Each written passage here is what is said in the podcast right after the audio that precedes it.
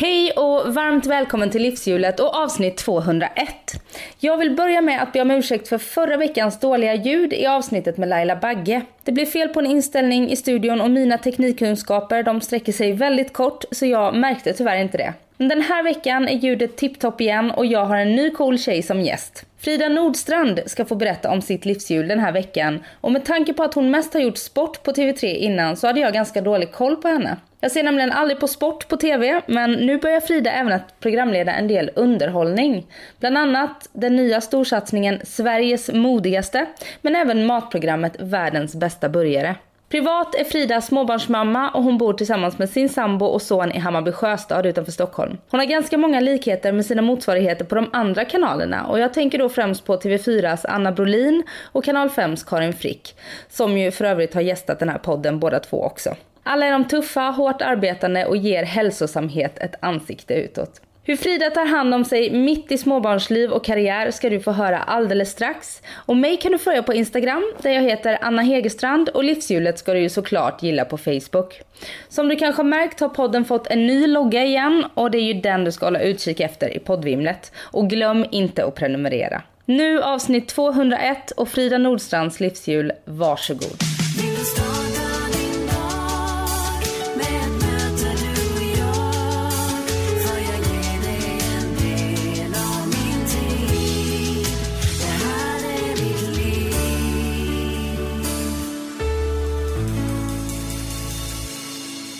Välkommen till livshjulet Frida. Tack snälla. Hur mår du då?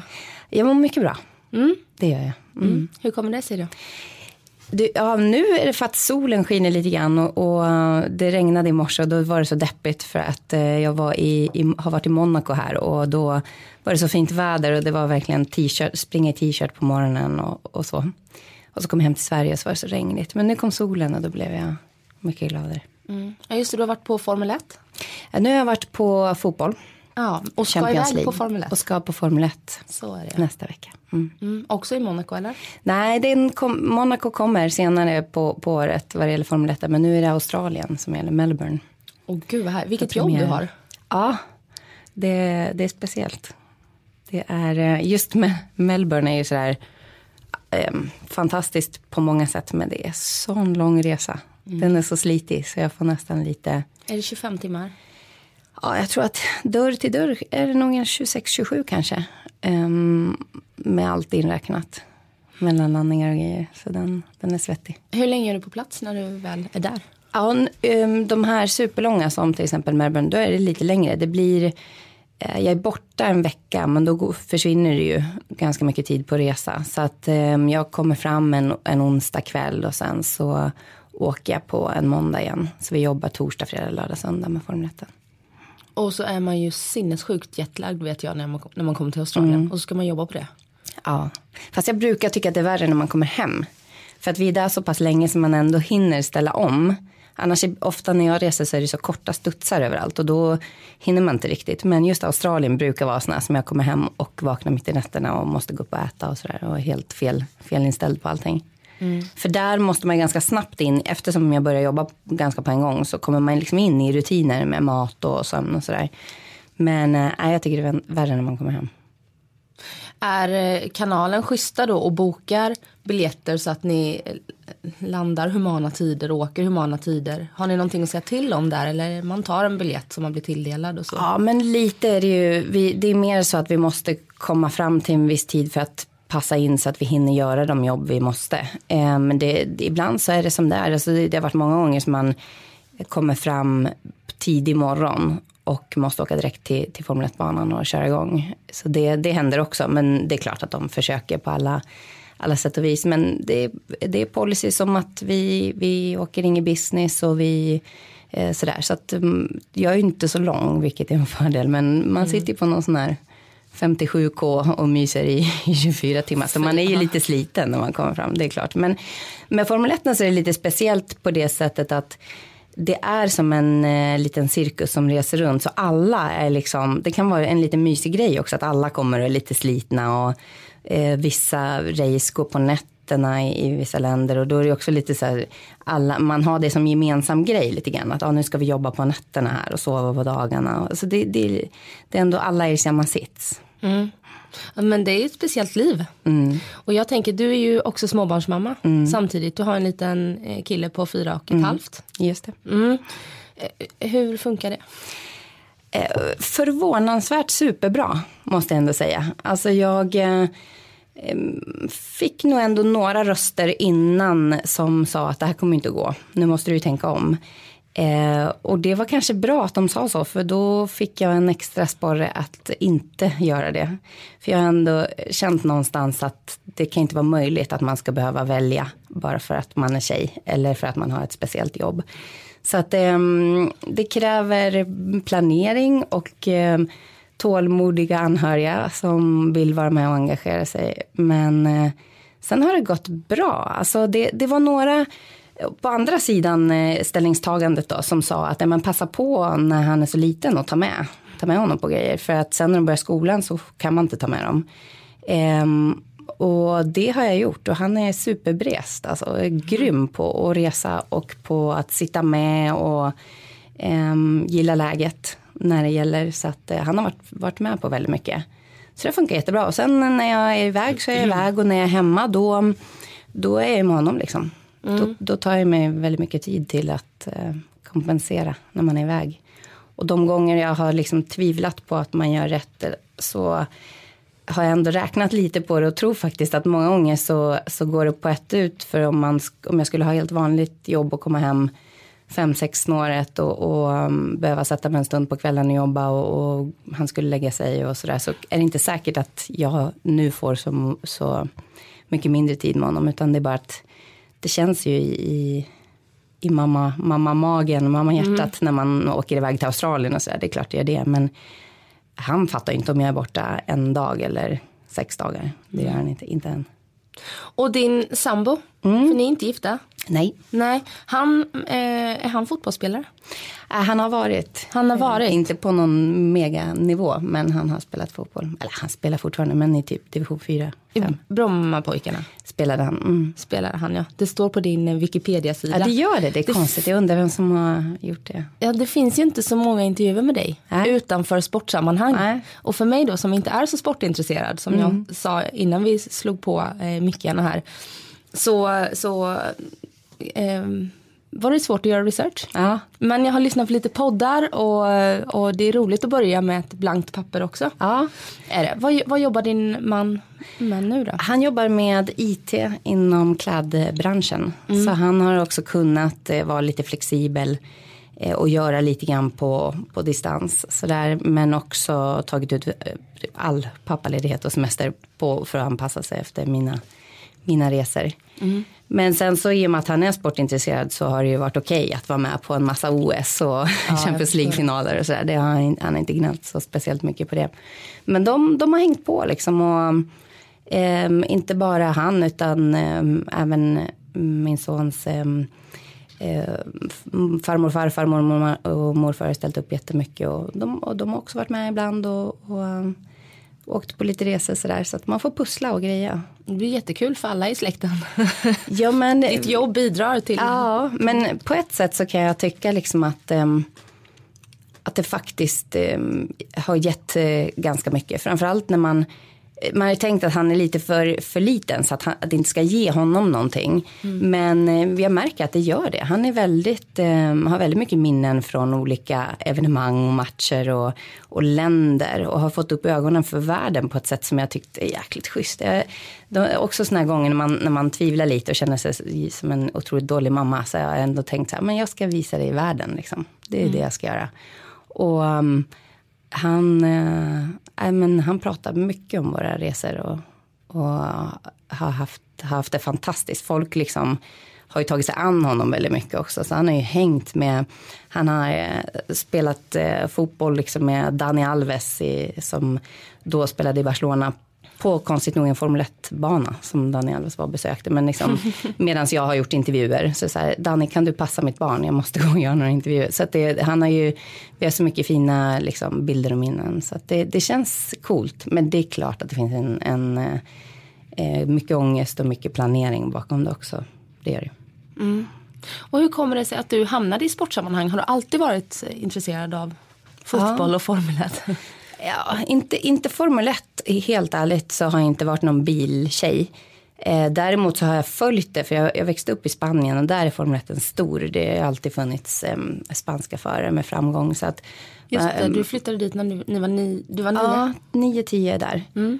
Och då, liksom, Formel 1 har funnits där, men jag har inte varit intresserad. Men första loppet jag gjorde så var jag helt hooked, verkligen. Eh, men sporten har alltid funnits där. Fotbollen eh, i allra högsta grad och, och massa annat också. Vi är en golffamilj och eh, alla har hållit på med någonting sådär. Men eh, att jag hamnade på tv med sport just var väldigt mycket tillfälligheter.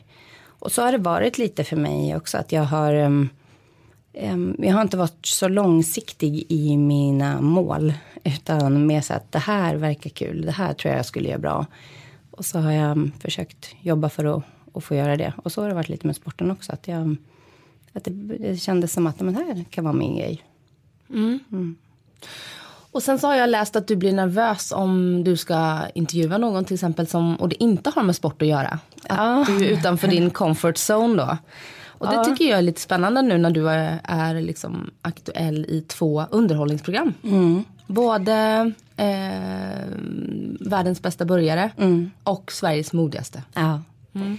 Ja, men framförallt så är det väl det att man får ju ofta frågan om hur, om man blir nervös i de här stora sammanhangen med de stora spelarna. Mm. Och det blir jag liksom inte. Och det tror jag också är för att det är mitt, min vardag. Liksom. Det är mitt jobb. Och de är där. Så det blir som någon. De är också där på sitt jobb. Så det blir som en kollega även om man inte är tajta så att säga. Mm. Så att jag, det är väldigt, väldigt sällan som jag blir um, starstruck eller stressad i, i de situationerna. Men däremot om det har varit någon på Formel 1 till exempel så besöks det oftast av eh, olika kändisar. Om man fått intervjua någon som inte hör till den, den familjen, sportfamiljen, då kan det bli lite sådär eh, utanför comfort zonen. Och det är de enda gångerna som jag känt mig lite starstruck. Om det har varit någon artist eller eh, skådis eller sådär där.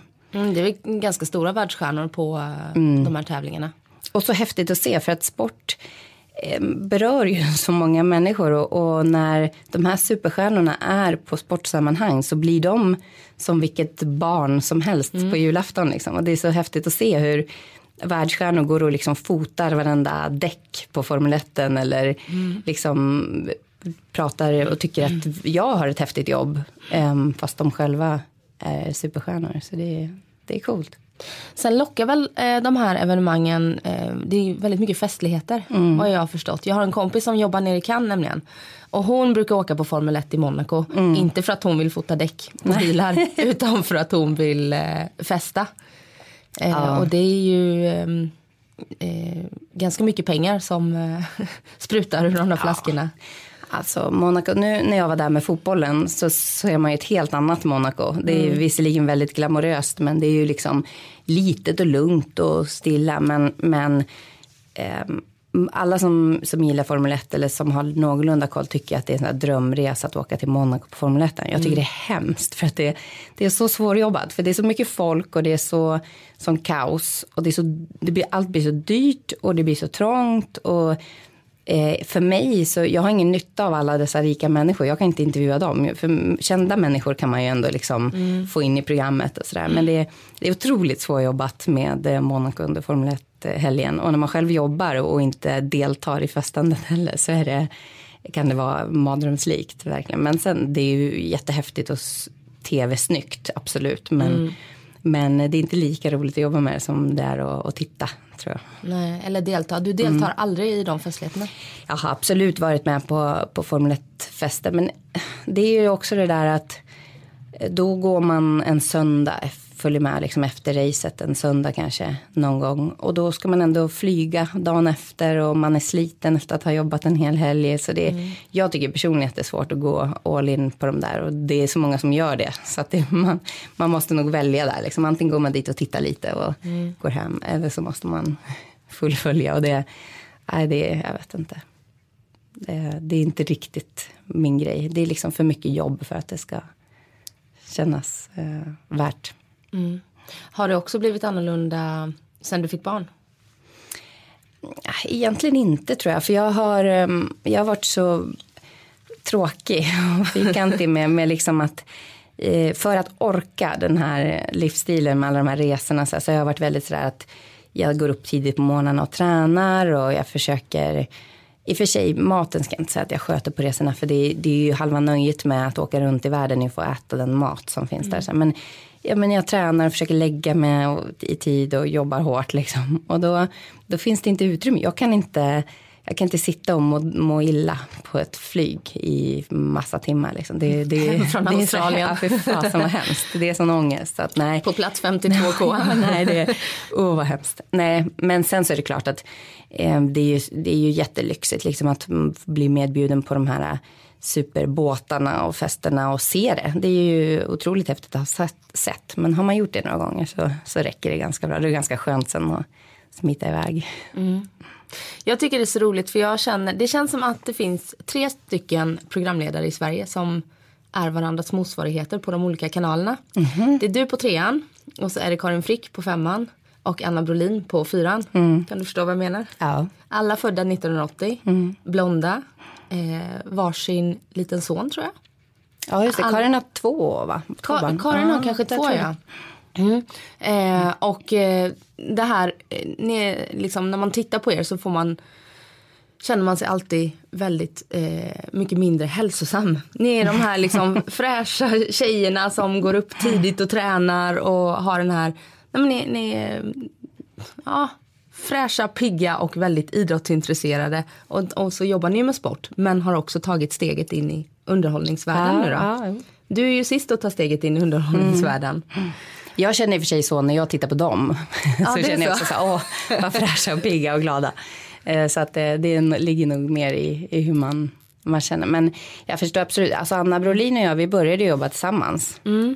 Um, på samma kanal och uh, med samma sak faktiskt egentligen. Um, och jag känner ju båda, båda väl. Men det absolut, och det har hänt mycket. Bara sedan jag började så har det ju har det blivit många fler När tjejer. började du?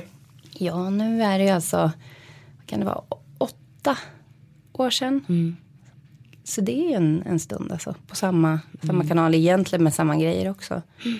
Mm. Um, men det har, det har kommit mycket mer tjejer och, och så.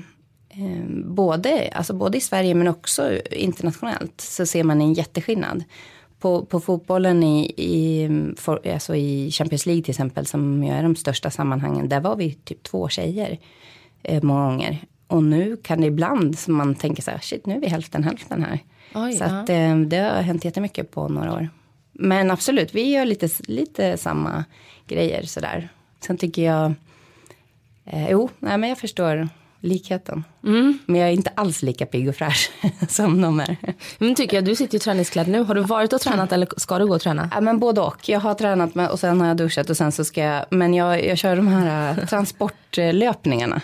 Man ja. har lite bråttom från ett ställe till ett annat så går det oftast fortare att typ springa det. Mm. Jag har mina snabba kläder på mig. Då. Men när du kommer fram till det stället, är du inte svettig då? Oh, men då väljer jag, därför så hade jag duschat innan jag skulle hit. För att vi inte känner varandra och sådär. Mm. Men när man ska till ställen där folk vet, då vet de att jag kommer att svettig och sunkig. Så eh, gillar de läget. Ja, det är så? Ja. Så du kan eh, ta på dig träningskläder när du går och lämnar på dagis till exempel. Och så tar du en löprunda mm. på vägen hem. Mm. Mm. Ja, men mycket så här, det har blivit också tror jag med, med resorna. Att så här, effektiv träning. Att eh, jag har inte tid att, att gå liksom lyxa med massa timmar på ett gym långt bort och sådär. Utan det eh, är mycket transport och mycket utnyttja situationen. Liksom. Om jag är i ett land så går jag gärna upp på morgonen och springer för att också se någonting av den staden. Mm. För att alla tror ju att, att det, eller det låter ju så flådigt liksom, alla dessa länder, men jag har sett så himla lite egentligen. Eh, på många av ställena. Man ser en flygplats och ett hotell och en, en idrottsarena. Så där försöker jag liksom springa runt i stan och titta för att se någonting. Och det är bland det bästa, liksom. alltså att vakna med en stad. När, när den håller på att komma igång sådär på morgonen mm. är superhäftigt. Men sen också till exempel på Formel 1 så springer jag ofta banan. Alltså efter när aktiviteterna är klara för dagen så brukar jag och jag och många andra jogga banan liksom. Då får man lite mer känsla för, för kurvorna och, och själva banans struktur och så får man ett träningspass. Och, och då är förare och, och personal och liksom reportrar som, som joggar den. Så man får försöka hitta liksom sina stunder där man kan ta en liten Ja, verkligen. Joggar du i dina arbetskläder då? För du sänder ju inte i träningskläder. Nej, nej, men då kör jag oftast, det är liksom när barnen är ledig så det är efter arbetsdagen men innan mm. man är helt klar. Man kanske har någon, någon sista grej sådär. Men då har jag ombyte som jag bara snabbt slänger på mig. Är det löpning som är din motionsform? Egentligen inte faktiskt. Jag är inget bra på det och, och så. Eh, men det, det är så enkelt. Mm. Bara att alltid ha liksom joggingskorna med är så himla enkelt. Och um, känslan efteråt tycker jag är helt oslagbar. Men det är inte, jag är nog mera korta och intensiva, liksom mer intervall och mer styrka egentligen. Eh, mer byggd för det. Så att, ehm, och jag har mycket mer pannben än vad jag har förutsättningar för någonting. Så att det, det, löpningen har blivit mer för att det, det är praktiskt och enkelt. Mm, man ska inte underskatta psyket. Nej, nej gud, det är min bästa vän. Mm. och om du hade haft all tid i världen för din träning då, vad hade du valt? Och då hade jag gått liksom hos någon lyxig PT och, och eh, kört mycket mer, tagit mig tid till eh, kampsport och yoga och sånt där som jag gärna skulle vilja men inte, inte hitta tid till och inte prioritera. Mm. Kosten då? Du sa att det blir inte så bra när du reser. Nej, nej. Jag fick ett råd, eller jag vet inte, jag kommer inte ihåg om jag läste mig till det, men det var någon, någon chef som reser mycket som sa att hans bästa råd var att eh, äta, sova och träna när man kan. Så, mm. så fort man får möjlighet när man reser mycket. För att man vet aldrig när nästa tillfälle ges. Så han var så att så fort det finns mat, då äter han. Och så fort han kan sova på ett flygplan, då sover han. Och eh, finns det en lucka för träning, då tränar han. Och det, det har jag försökt leva efter. För att Um, det stämmer lite. Du vet aldrig. Du, det kan gå massa timmar utan att man hinner äta. Och så sömn är det ju konstant brist på. Så jag har liksom den, så fort jag kliver på flyget så per automatik så blir jag trött. Liksom. Jag hinner knappt sätta mig så har jag somnat. Och med maten är det samma sak. Finns det mat då, då äter jag det. Och, och lite oavsett vad det är. Men eh, jag är ehm, eh, den matgladaste jag känner. alltså, jag är otroligt matglad. Mm. Och då eh, tycker jag att en, en av liksom grejerna jag unnar mig på alla resor är att liksom äta den lokala maten. Gärna sån här hål i väggen. Inget, eh, utan dit, dit de lokala går. Och, eh, då håller jag inte igen. Det gör jag inte. men sen så är det det att framförallt på fotbollsresorna så där, då är det ju sena matcher och man blir klar sent och ofta runt midnatt, ett på natten så. Så, och då, då är det mackor som erbjuds. Och jag är total brödtorsk dessutom. Så jag, jag äter så mycket bröd, så mycket mackor. Eh, och det är ju klart att det inte är optimalt. Liksom. För då hinner jag inte äta middag och då hinner jag inte göra någonting. Så då bara trycker man i sig massa, massa mackor och bröd. Och det i längden blir ju inte jättebra. Nej. Och eh, hur, hur mår du allra bäst då? Ja, alltså det är lurigt det där. För förra året till exempel var extremt. Eh, det var, vi hade alla rättigheter som vi vanligtvis har med Champions League och Formel 1 och Premier League och allting. Sen hade vi två handbolls-EM mm. och vi hade um, ett OS i Rio och vi hade World Cup i hockey och så spelade jag in de här två programmen som inte har med sport att göra. Mm. Och det det året kändes, det är första gången som jag tänkte att det här kommer inte att gå. Liksom, det kommer inte att, att, gå att genomföra det här året. Men samtidigt så kan jag nu känna när det är ett lugnare år att det var fasen det bästa. Jag mådde på ett sätt bättre då. Liksom, för att det var så mycket roligt som hände. Och även om jag kan känna att jag mår bättre på ett sätt när, när man har mer tid till vila och um, vårda sig själv och sina nära och kära så, så trivs jag ju också i, i hetluften. Liksom. Jag gillar ju när, det, när man inte vet och när man inte kan planera och när, det, när allt går lite i ett och sådär. Och, och det är väl också någon, någon sån där äh, duktig flicka-grej att då, då går inte det. Det går inte att, att upprätthålla kraven på sig själv utan det är bara, man får bara släppa prestationsångest och vad man nu har. För att det finns inte tid, liksom. det finns inte utrymme. Och det, den känslan kan jag tycka är rätt skön. Att känna att um, det, nej, jag har inte energi att lägga på att bry mig. Utan nu bara kör jag. Mm, man gömmer sig lite bakom det. Att blir det fel så kan jag alltid säga att ja, det var för mycket. Ja, och också känslan av att eh, sånt som man annars kan hänga upp sig på att oh, nu har jag den här grejen. Om den är en grej av tusen så blir den inte så stor liksom. Och då, då bara rullar rullar det. Och jag blir också ganska bra på att utnyttja den tid jag då har ledig för att man måste liksom och den blir så värdefull. Mm. Kan du släppa det då mentalt, jobbet? Ja, ja men det tycker jag är ganska bra på. Det är också tror jag en grej som har blivit bättre sen man fick barn. Mm. Eh, det finns, det går, han det bryr sig inte om mitt jobb liksom. Och det finns inte tid om, om man är så mån om att vara tillsammans när man kan. Och så, men det tycker jag mm. att jag är ganska bra på. Hur är du som mamma? Jag... Eh, det, ja, nej, jag, jag, kompenserar säkert en del också för att jag är borta så försöker man vara roligare än vad man egentligen är. Men, eh, jag tror att jag är lite, lite tokig liksom. Inte så... Eh, mer att jag gillar att göra roliga grejer och vara lite busig och, och crazy sådär.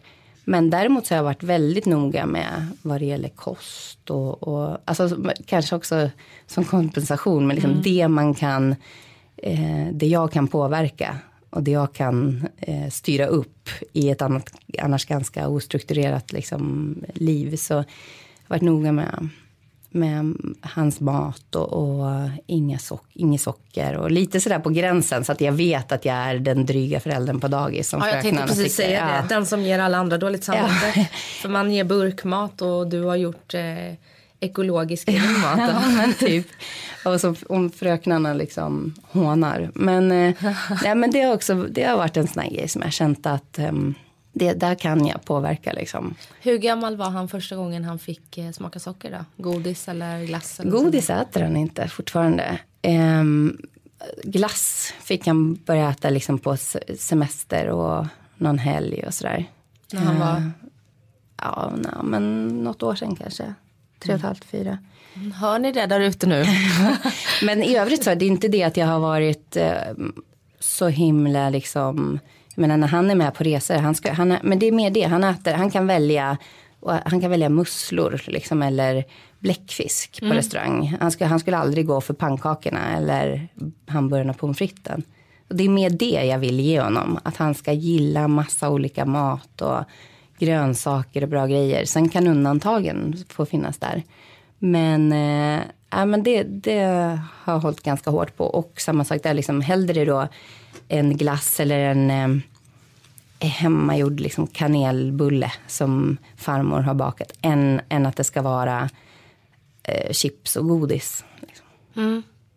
Jag förstår. Så får man väl se, alla säger ju att när man får fler barn så orkar man inte hålla det eller mm. efter ett tag så släpper man. Och så kan det också bli den här tvärt effekten att han kommer att svulla när han väl får liksom. Men mm. jag vet inte, jag har tänkt att första åren så kan han få, få den bästa basen i alla fall. Så. Mm.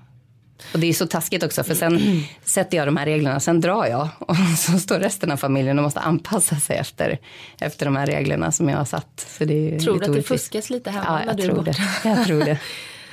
det Håll tror ut nu, mamma åker om två dagar, ät dina morötter nu. Absolut, alltså. och det är mycket så här som har kommit fram. Dels så har det varit mycket såna här Xbox-doser som jag hittar här och där när jag har varit borta. men också såna här restauranger som han helt plötsligt säger, ah, här brukar vi gå. Va? Restauranger som jag aldrig har varit på. Nej, vi går jämt. vi går jämt hit när du är borta. Ja, ja. Ja, är din sambo inte så eh, förtjust i att laga mat? Ingen av oss är bra på att laga mat. Nej. Inte alls. Eh, vilket gör då att det här hamburgarprogrammet som jag åkte på eh, var ju liksom det lyxigaste någonsin. För jag gillar väldigt mycket att, att äta mat, men jag är inte alls bra på att laga. Mm. Så där fick jag faktiskt dels lära mig lite eftersom jag åkte med Johan Jureskog som jag är kock. Mm. Men också så lyxigt att bara åka runt och äta mat liksom, i, i en månad. Ja, det förstår jag. Ah, det förstår jag. Drömmen. Och motsatsen till hälsosamt eh, eh liv många gånger. Men alltså så oerhört lyxigt och gott. Ja. Vad tänkte du när de eh, tillfrågade dig om det? För var det det du spelade in först då? Var Nej, det... först, först var det eh, Sveriges modigaste mm. på Malta. Eh, och börjarprogrammet eh, var senare på året, i slutet av förra året. Hade du eh, uttryckt en önskan om att eh, det vore roligt att få göra lite underhållning? Mm. Mm. Absolut. Och sen, eh, jag tror att Sveriges modigaste var väl mer naturligt att jag skulle göra. Eller att de kanske mer tänkte att det fanns en koppling eftersom det ändå är ett tävlingsprogram och det är Exakt. fysiskt och så.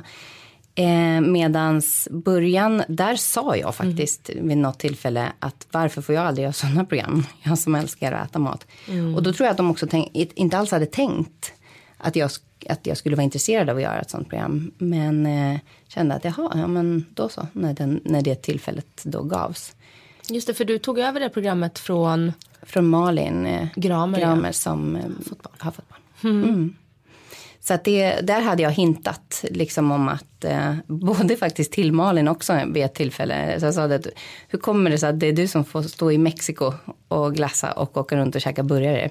Mm. Men även till eh, att den typen av program. För det, det, på något sätt så var det också så skönt att göra någonting där jag bara skulle vara jag. Liksom. Mm. Och inte någon som måste redovisa massa saker. För det, min roll är ju mycket det, att förmedla en känsla och redovisa och eh, vara neutral och rätt. Här skulle jag bara gilla burgarna till exempel. Är det enklare att eh, göra den här typen av program än att jobba med sport? Alltså för det första, eh, ja.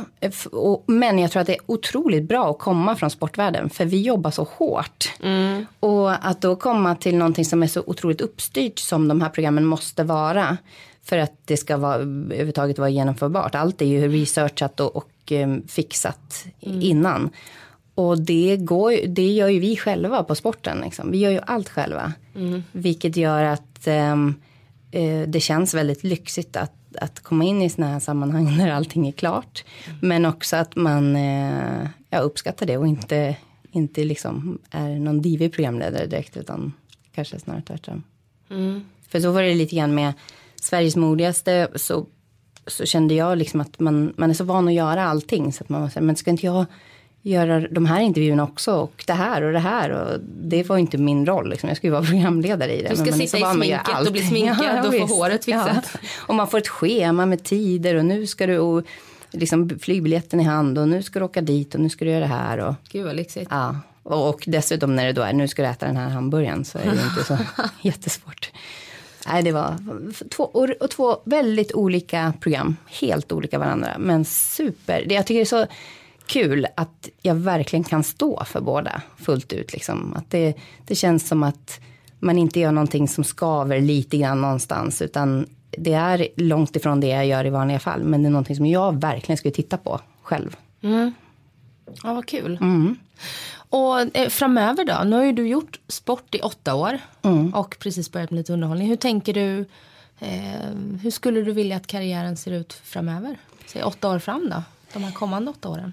Ja, alltså någonstans så känner jag att jag absolut vill fortsätta göra den här typen av program.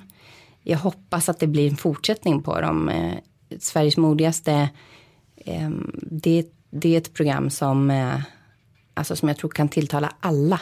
Mm. Det, det, är så mycket, det, det, är ett program som innehåller så himla mycket för, för alla.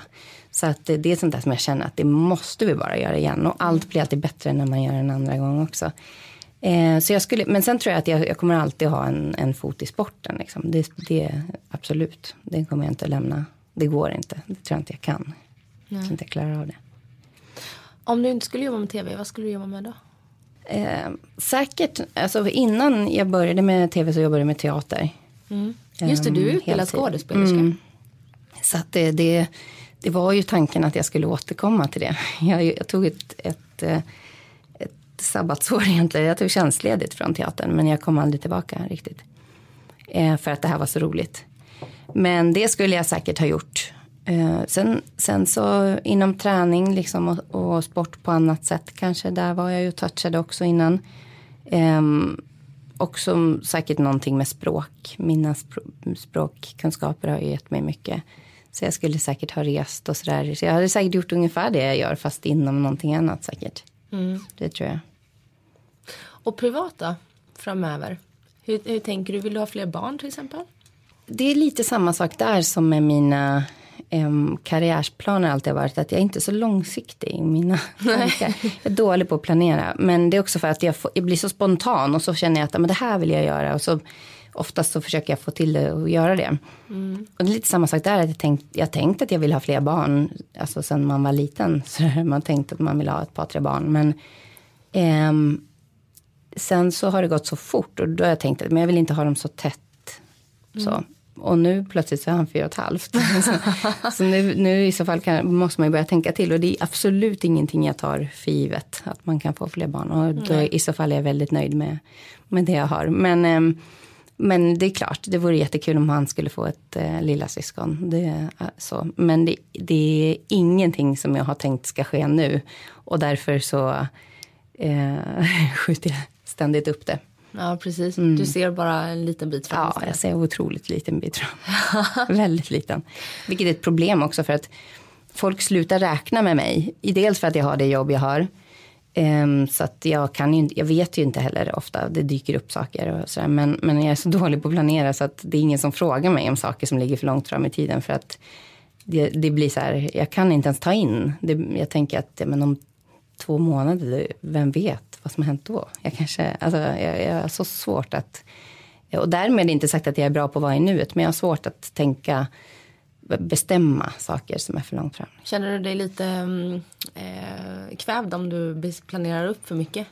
Ja, jag, egentligen tror jag att det är mer bara att jag är lite ostrukturerad. Liksom. Jag, mm. Så att jag, jag, kan inte hålla dem. Då, då kommer jag ta, glömma bort det på vägen eller kommer dyka upp något annat. Och, och, jag märker att när jag bokar på saker så ångrar jag mig sen. För då kan det ju varit att, att det har varit väldigt mycket jobb innan och så har jag bestämt massa saker som jag känner, sen känner att jag inte har tid och ork med. Så att, nej, det har blivit liksom Eh, säkert en ursäkt bara för att jag är lite, mm. lite strulig som person. slippa skärpa dig där. Ja, det är ganska skönt att hålla kvar den liksom lite så här barnagrejen. Att man, nej, det går inte att lita på mig. Eller jag, jag har inte, jag har allt i huvudet, jag kan inte skriva ner saker. Och, jag är lite, lite strulig. Är din sambo mer strukturerad? Mm, han är väldigt mycket excellig sådär. Blir inte han galen på dig då? Jo, men han har släppt mig för länge sedan. Han har, Hur länge har ni varit ihop? Eh, typ 15 år. Ja, ja då det, förstår jag. Ja, nej, han har tappat, släppt allt, liksom tappat hoppet om allting. Men, eh, nej, men han, är, han är nog min motsats på det mesta, tror jag de flesta skulle säga. Um, vilket kanske är det som gör att det funkar också. Um, det, det, är det som gör att mycket funkar på hemmaplan i alla fall. Att vi betalar räkningar och att vi um, gör sånt som man måste göra som vuxen. Det är ju han. Men eh, nej, han är, han är allt annat. Och det är också därför någonstans tror jag han, han, vi har inte varit så offentliga. Liksom. Jag har inte varit så, så offentlig med mitt privatliv. Och, och det är dels en anledning är att han jobbar med IT och är väldigt mån om liksom, i vilka sammanhang barn ska synas på sociala medier och sådär. Och det har förstärkt min bild av det. Mm. Um, så att många vet ju inte att jag har barn och har aldrig sett mitt barn och så. Det, och det har varit väldigt medvetet.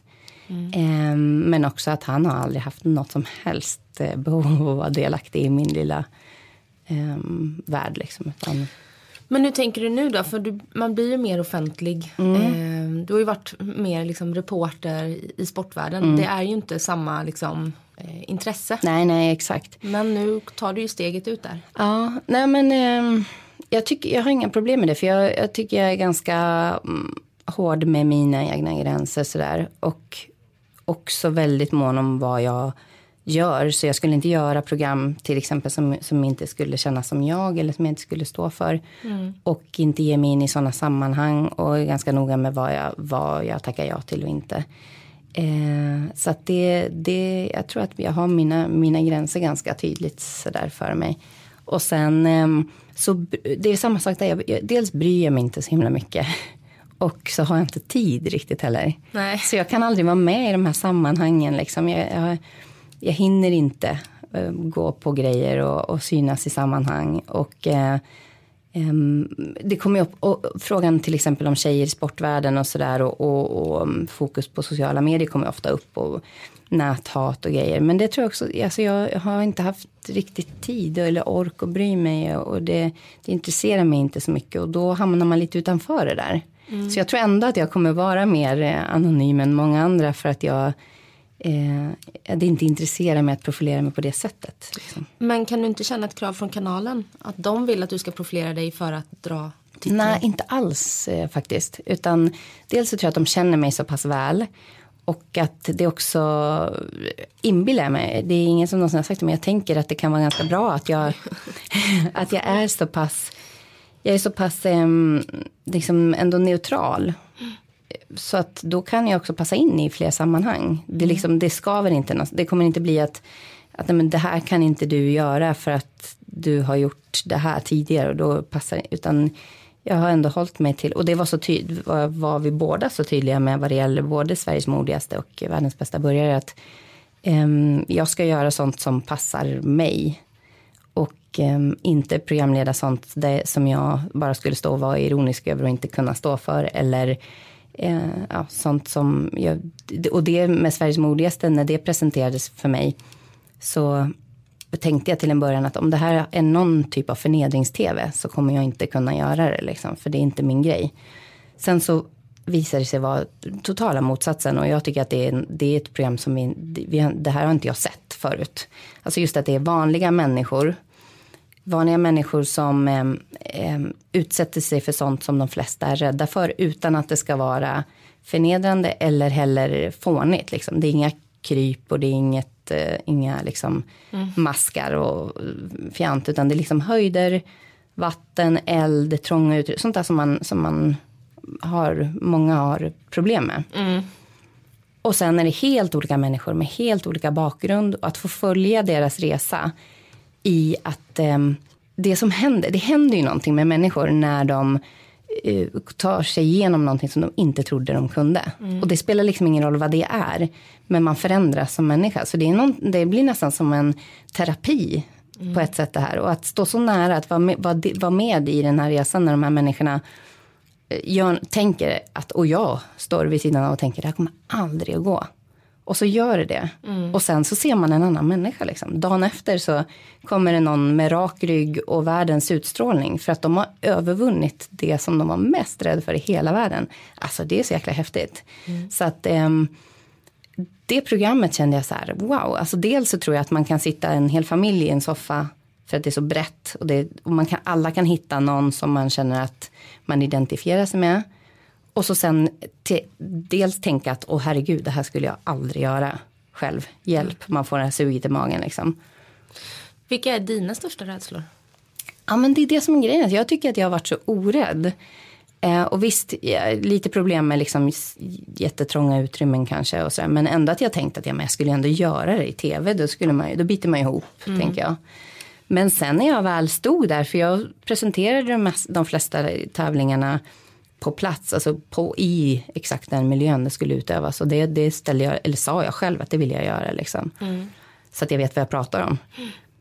Då är man inte så kaxig. Jag tänkte höjder, jag har inga problem med höjder. Och så sen så bara, det, det händer ju någonting i kroppen. Om man står på över 100 meters höjd med bara klipp stenar under liksom och mm. hav och det svajar och det, så händer det ju någonting i kroppen som jag tycker är skit. Det är också jättehäftigt. Mm, alltså, dödsångest ja, men, jag. Precis, ren överlevnadsgrej ja. som bara kickar igång när man men, när jag mentalt tänker att jag är inte rädd för det här för jag vet att jag inte kommer ramla ner. Mm. Och ändå så börjar man svettas och man börjar skaka och man kan inte riktigt prata. Och det händer någonting mm. som är helt eh, liksom, okontrollerbart. Och det är också så häftigt att, och det är därför jag ville göra det lite också för att då vet man vad man pratar om när man sen pratar med de här, man ska liksom intervjua de här människorna som har, har brutit tävlingen och vill åka hem eller som har klarat av det.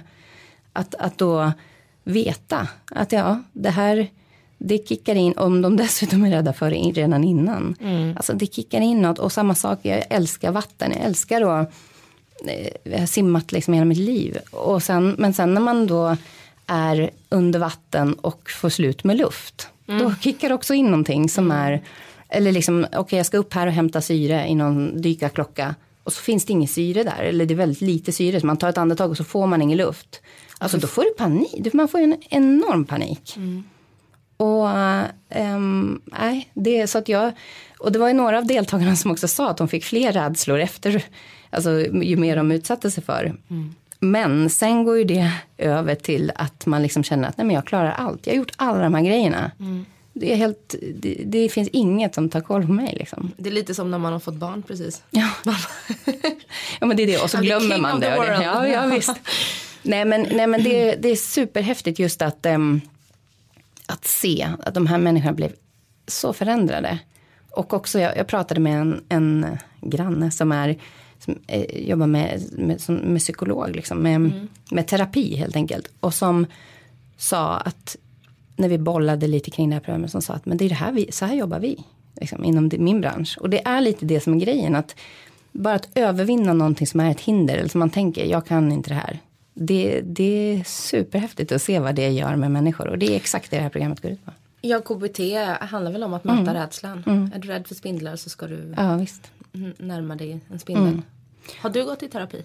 Eh, ja, det har jag gjort. Och det är någonting jag tycker att alla borde göra om man kan på ett mm. eller annat sätt. Eller framförallt inte vara rädd för. Sen så finns det så många sätt att göra det på. Och um, jag har ju, jag tycker, jag har haft ett behov av att prata liksom och sortera tankar och sådär. Och då, då är det, jag tror att det är jättebra. Mm. Jätte, jättebra. Jag skulle, det är en sån grej som jag skulle kunna unna mig. Det och massage. Sånt ja. som jag tycker att jag skulle, hade jag haft eh, obegränsat med tid och pengar så skulle jag göra det Terapi veckovis. är ju själslig massage. Oh ja. Alltså verkligen. Mm. Går, går, du nu liksom regelbundet och eh, inte stämmer nu. av? Liksom? Inte nu, men jag um, har gjort och också tänkt att det här det ska jag göra igen och kommer säkert att göra i perioder igen också. Mm. Jag tycker det är jättebra, särskilt om man hittar ett sätt eller en person som man eh, trivs med och som, som man känner att det är, jag tycker det är enormt utvecklande och lättande att bara få, få prata oavsett om vad. Mm. Du, en sista fråga. Jag mm. undrar, jag har bara faktiskt en kompis eh, som har levt i en relation i 15 år. Mm. Eh, och jag är mm. två år yngre än dig.